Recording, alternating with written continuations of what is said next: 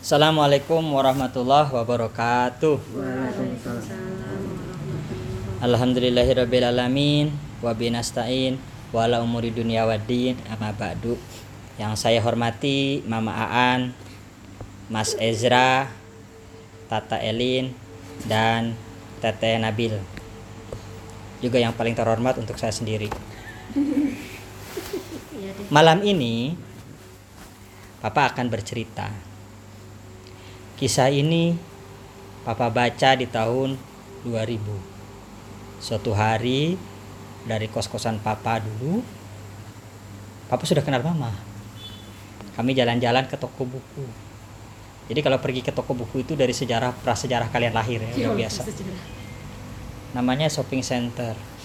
Hari itu jalan-jalan eh, muter-muter toko lihat kayak gitu.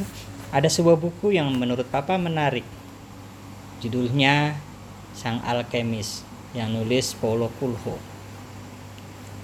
Zaman itu tak banyak yang tahu siapa Paulo Coelho dan bagaimana kisah-kisah yang dia tuliskan. Buku ini diterbitkan oleh Alphabet sebelum edisi Alphabet sekarang, yang hari ini Alphabet dipegang oleh uh, direkturnya teman-teman Papa. Kalau dulu uh, Alphabet Indilah masih awal-awal. Buku itu Papa beli gara-gara kisah pembukanya tentang Narsisus. Narsisus ya namanya. Iya. Dia berdiri di pinggir kolam dan menangis sedih. Meratapi eh, apa wajahnya yang ganteng apa cantik sih nggak tahu. Ganteng kalau nggak salah. Tapi kata Polo Kolo bukan cerita itu yang akan saya ceritakan. Udah aja begitu. Ada yang menarik yaitu sebenarnya dia bercerita tentang apa lalu papa beli dan dibaca. Setiap halaman dicoreti. Hal-hal kata-kata yang penting papa garis bawahi. Sayangnya buku ini kemudian hilang dipinjam kawan papa. Ada papa masih ingat siapa yang pinjamnya tapi hilang kemudian buku itu. Terus papa juga pernah marah-marah karena buku dibaca ditekuk sudutnya. Nggak boleh buku ditekuk sudutnya. Robek dan putus nanti. Sampai hari ini ada teman papa yang masih ingat dan di Facebook pernah komentar dia merasa pernah dimarahi papa gara-gara bi- minjem buku perempuan di titik nol ditekuk sudutnya. Kenapa papa begitu perhatian dengan buku? Karena buku adalah cara kita mengingat. Karena buku adalah cara kita mengenang, karena buku adalah cara kita bisa bertumbuh. Knowledge, pengetahuan, it's free, gratis. Pengetahuan itu gratis. Kalian bisa baca dari handphone, dari buku, dari jurnal, dari apa saja, bahkan dari sebuah permainan game. Itulah pengetahuan. Tapi bagaimana pengetahuan yang gratis ini bisa mengubah sejarah umat manusia dan bisa membuat kalian bisa berdaya dalam kehidupan? Itu problem lain. Yaitu cara berpikir apa yang kita miliki. Sehingga apa yang kita baca akan berantai menuju pada sebuah target tertentu yang membuat kita lebih bersemangat, lebih percaya diri, lebih siap untuk menghadapi apa pun tantangan di depan. Kisah sang alkemis yang Papa baca itu salah satu baris yang Papa ingat sampai hari ini adalah kalimat ini. Yang ngomong si pemandunya, si sang alkemisnya kepada Santiago. Santiago ini eh, pengelana. Dia penggembala domba. Suatu hari dia bermimpi dia bermimpi ada sebuah harta karun yang ada di seberang daratan. Santiago ini kalau tidur ganjel kepalanya buku. Dia beli buku yang paling tebal pokoknya biar bisa dibaca banyak dan enak buat tidurnya. Dia berpikir, aku harus ke sana. Menemukan harta karunku. Jadi dia punya apa namanya? tujuan hidup. Apa tujuannya? Menemukan, Menemukan harta karun. Menemukan, benar ya? Kayak gitu tulisannya ya. Harta karun. kayaknya ada ada Karun. punyu. Saling Menemukan harta karun. Visi menuju tujuan mendapatkan harta karun dia yang dalam mimpi dia sepertinya ada di bawah piramida. Piramida tulisannya gimana? Piramida biasa ya? ya. Piramida nggak biasa itu mengantarkan dia pada petualangan maha dahsyat. Bahkan ada sebuah peristiwa dalam petualangan dia dia harus menaklukkan angin badai pasir. Keren. Ada satu kalimat yang papa garis bawahi dan selalu ingat sampai hari ini. Ketika engkau menginginkan sesuatu dengan bersungguh-sungguh, maka semesta raya bersatu membantumu untuk mewujudkannya. Santiago ingin menyeberang ke Mesir, ke piramida untuk menemukan harta karunnya. Dia padahal dia hanya seorang penggembala. Tentu saja tidak punya uang yang cukup. Bahkan saat gembala-gembala ini dijual pun mungkin saja tidak akan pernah bisa sampai ke piramida.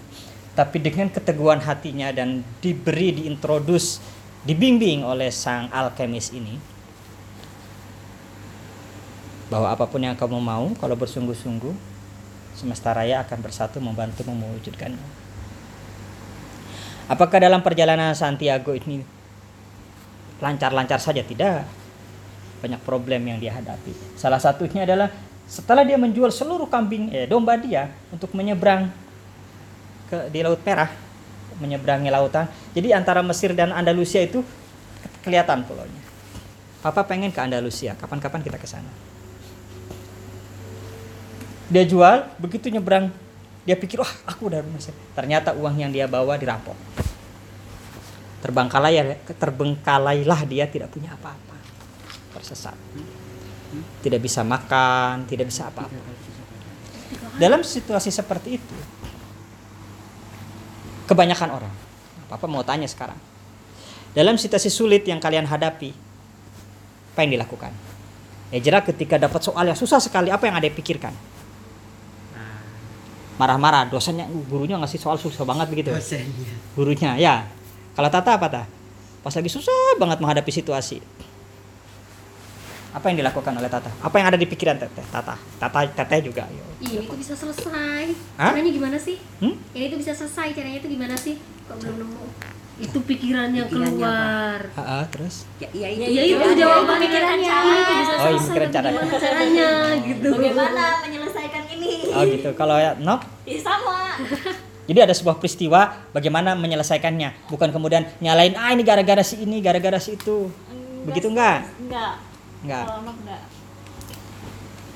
Jadi begitu Santiago dirampok dan kehilangan uangnya, semuanya tidak punya apa-apa lagi, dia terbengkalai di negeri seberang yang jauh entah di mana dengan bahasa yang dia tidak pahami. Luar biasa.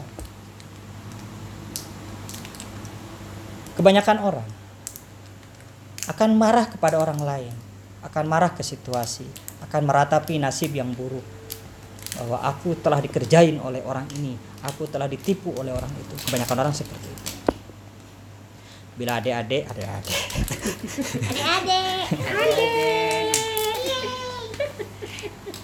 Ini penting. Jangan pernah punya pikiran seperti itu. Ambillah tanggung jawab 100% pada kehidupanmu. Apa pun itu.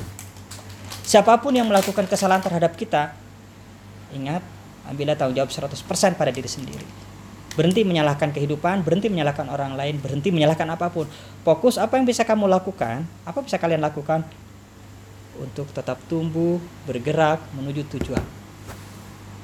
Seperti yang dilakukan Santiago. Akhirnya dia berpikir, bagaimana caranya aku bisa makan saja dulu. Dia datang ke kios-kios di Trengier nama tempatnya ya. Itu asik banget, Trengier. Apa namanya? Iya, Trengier kan tulisannya. Di Trengier. Ada ada kios-kios, salah satunya itu kios penjual kristal. Dia berhenti di situ dan dia bersihkan. Untuk bisa makan dia harus membersihkan gelas-gelas. Lalu ada orang baik dan berkata, "Kamu kerja di sini saja, bantu saya." Dia ini muslim. Saya punya tujuan hidup yang sangat hebat, kata dia. Setiap orang muslim diwajibkan untuk datang mengunjungi Ka'bah. Dan itu tujuan seumur hidup setiap muslim. Bisa mengunjungi Ka'bah, berhaji. Tapi tujuan itu, kata si pemilik kedai, rasanya sudah kukubur dan aku tidak akan pernah melanjutkannya lagi. Karena aku sudah merasa terlalu tua sekarang. Dan kalau kamu mau bantu aku menjaga kios. Kios kristal tadi. Santiago menjaga kios itu. Membersihkannya, merapikannya. Dari sana dia dapat bayaran, dapat uang. Akhirnya duitnya banyak. kaya raya lagi, makmur ya. Punya tabungan. Suatu hari Santiago bercerita, ngobrol lah dengan sang pemilik kedai. Sebenarnya apa tujuanmu datang ke sini? Santiago juga bercerita, saya pernah bermimpi dan saya bertanya kepada eh, siapa? Badui apa namanya tuh tukang meramal mimpi itu. Dukun. dukun lah dukun aja ya. Saya bertanya kepada sang dukun kata dia bahwa harta karun tersebut ada di bawah kaki piramida. Jadi saya harus ke sana kata Santiago tapi sepertinya sudah cukup hidup saya di sini bersama anda. Si pemilik kedai langsung berkata dengan sangat serius nah dengarkan saya saya punya tujuan untuk bisa pergi ke Mekah dan rasanya hampa saya hari ini dan sudah semakin tua dan sudah tidak mungkin lagi ke sana. Padahal dulu ketika saya masih sangat muda, sangat mungkin untuk bisa berpetualang ke Makkah dan bisa berhaji mengitari Ka'bah. Kamu masih muda. Dan kamu sudah punya uang banyak. Pergilah. Dan kamu akan mengalami memenuhi hasrat terbesarmu yaitu mewujudkan impianmu menemukan harta karun. Meskipun harta karun itu juga belum pasti sebenarnya. Apa benar ada di bawah piramida? Itu sebuah peristiwa lain lagi. Akhirnya Santiago dibekali oleh si pemilik kedai dan dia menjual seluruh hartanya. Si pemilik kedai mencari tahu ada karapan kapan, eh, jam berapa akan berangkat ke Mesir. Disiapkanlah semua. Santiago menjual seluruh harta kekayaannya. Persis ketika dia melepas seluruh dombanya untuk pergi ke Ka'bah, eh ke Ka'bah ke piramida untuk mencari.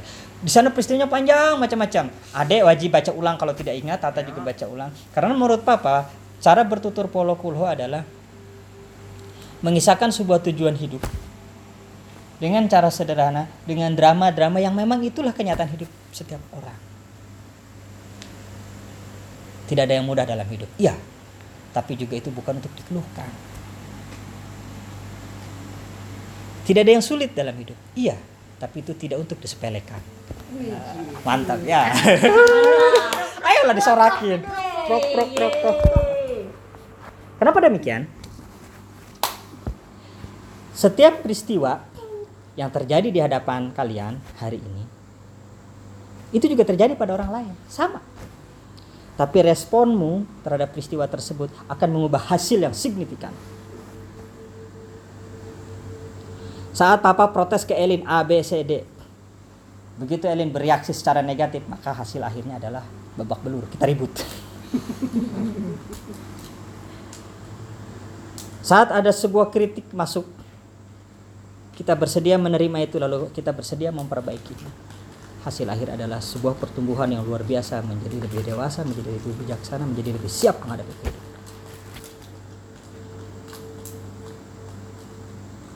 Hari ini bagi kalian yang masih muda-muda, termasuk mama masih muda lah ya. Mama muda. Aduh. Mungkin biasa saja. Tapi bagi papa, secara mental, secara psikologis cukup berat. Lucunya, ketika berpikir bahwa peristiwa sulit yang terjadi hari ini adalah diakibatkan oleh sesuatu yang bersifat eksternal, yaitu virus misalnya, papa tidak bisa ngapa-ngapain. Ya sudah, ngelokro, hanya berkeluh kesah, meratapi, tidak melakukan apa-apa.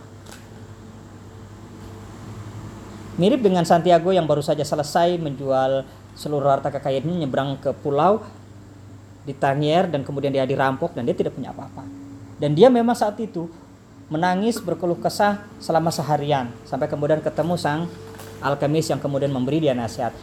Poin di sini kenapa di sang alkemis itu ada selalu ada tokoh yang selalu menyertai si Santiago dalam keadaan sulit. Adalah bahwa kalian dalam hidup selalu punya orang yang bisa diajak ngobrol. Selalu punya orang yang bisa diajak dimintai bantuan. Selalu punya orang yang bisa berkomunikasi dengan. Ini penting. Jadi tidak ada kesulitan luar biasa dalam hidup ini, tidak ada. Karena ada selesa, sesuatu Karena akan selalu ada. Karena akan selalu ada yang siap membantumu. Itu pasti. Ulang ya, itu pasti. Di Al-Insyirah, inna ma'al usri yusran. Inna ma'al usri yusran. Gimana? Coba baca deh. Nggak hafal. Dek, Tata, baca. Terus? Wada'na anka wizrak. Alladzi Alladhi anka dhahrak. wa rafa'na laka dhikrak. fa inna ma'al usri yusra. Inna ma'al- usri yusra.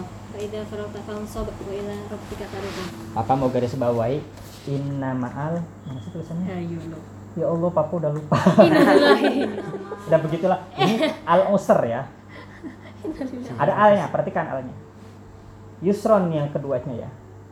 Yusron. Ini namanya nakiro. Eh sorry, ini ma'rifat. Ada al itu tunggal. Yang namanya ma'rifat itu tunggal, fokus hanya satu. Yusron itu nakiro. Nakiro itu umum. Mana leksikalnya secara gramatikal struktur bahasa Arab ini dalam Al-Quran itu sangat hebat, luar biasa. Satu kesulitan itu ada ribuan jalan keluar. Believe it or not. Dan gilanya lagi, Quran menyebutnya dua kali. Al-usr tetap nakiro. Eh, sorry, marifat, marifat. Al-usr tetap marifat, sementara yusronya tetap nakiro. Artinya, setiap problem yang kalian hadapi, apa pun itu, solusinya unlimited. Adek saat mengerjakan tugas menari begitu sulit ah malas ah nanti aja ah malas ah nanti aja ah. nggak apa-apa selesai tapi begitu itu dihadapi entah itu dengan meminta bantuan entah itu dipaksa oleh mama untuk dibantu oleh mama dan kita semua membantu dia bisa papa papa semalam ditelepon. Mungkin sudah kangen udah lama. Bapak tidak telepon papa. Masih ingat sang alkemis tadi? Hmm. selalu ada yang orang hebat ini yang tiba-tiba membimbing, membimbing dia memberitahu dia. Beliau tahu betul kalau kita papa bisnis papa sedang babak belur apakah papa akan berkeluh kesah terus? Tentu tidak akan selesai urusannya. Papa memang mencari jalan berbeda. Mirip dengan Santiago. Sorry dimirip-miripkan ya agak maksa. Harusnya Santiago kan fokus bahwa dia meskipun dia sudah melarat tidak punya apa-apa harusnya dia tetap saja memaksakan diri berangkat ke Mesir begitu kan? Tapi tidak memungkinkan. Dia harus berputar mencari jalan lain yaitu untuk bertahan hidup dulu cari makan. Maka dia bekerja melakukan sesuatu yang bukan pekerjaan dia biasanya. Ingat pekerjaan dia biasanya apa? Mengembala. menggembala domba dan domba itu dipotong woolnya jadi di jalan-jalan nanti sekian bulan dicukur. Dia dapat uang dari mencukur domba. Akhirnya dia tidak menggembala tapi dia jualan coba bayangkan orang petualang pergi dari hutan ke hutan menggi- menggiring domba tiba-tiba harus berhenti di sebuah ruang yang sangat terbatas jagain warung coba. Itu berat bro. Iya, bro. berat. Dan peristiwa hari ini papa mau kasih contoh di papa. Meskipun ya sewaktu-waktu papa juga mengupdate.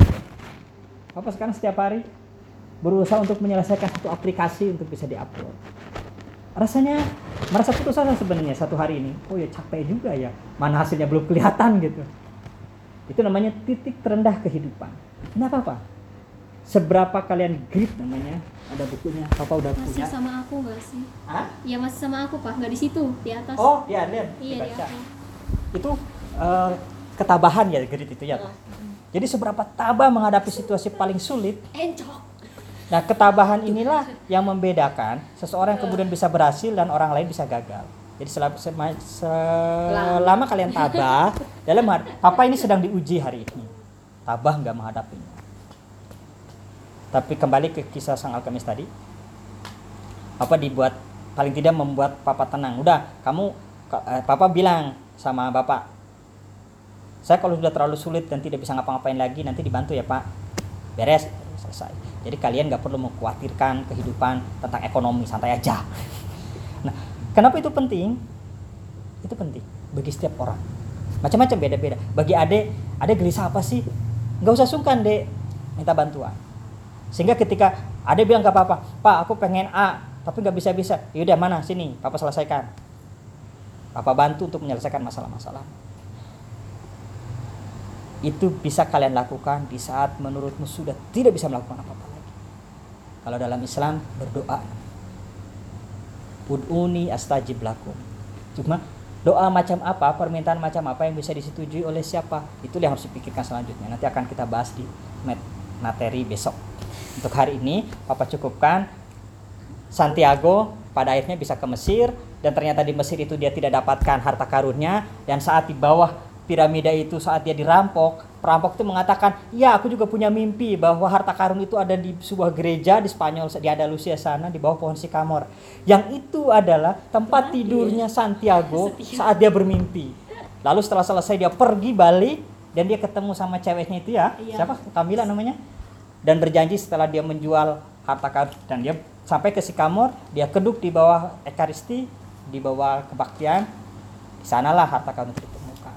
Dan dia hidup makmur mimpi dalam kisah ini adalah sebuah tujuan usaha bergerak mewujudkan tujuan itu yang harus kita lakukan sebagai manusia jadi milikilah mimpi sebesar apa pun yang kalian inginkan ada papa, ada mama mungkin masih hidup. Kalau kami sudah meninggal, mungkin juga arwahnya akan menghantui kalian untuk membantumu mewujudkan mimpi-mimpi kalian. Demikian ya. Terima kasih. Semoga bisa diingat di suatu hari nanti di masa depan. Wassalamualaikum warahmatullahi wabarakatuh. Waalaikumsalam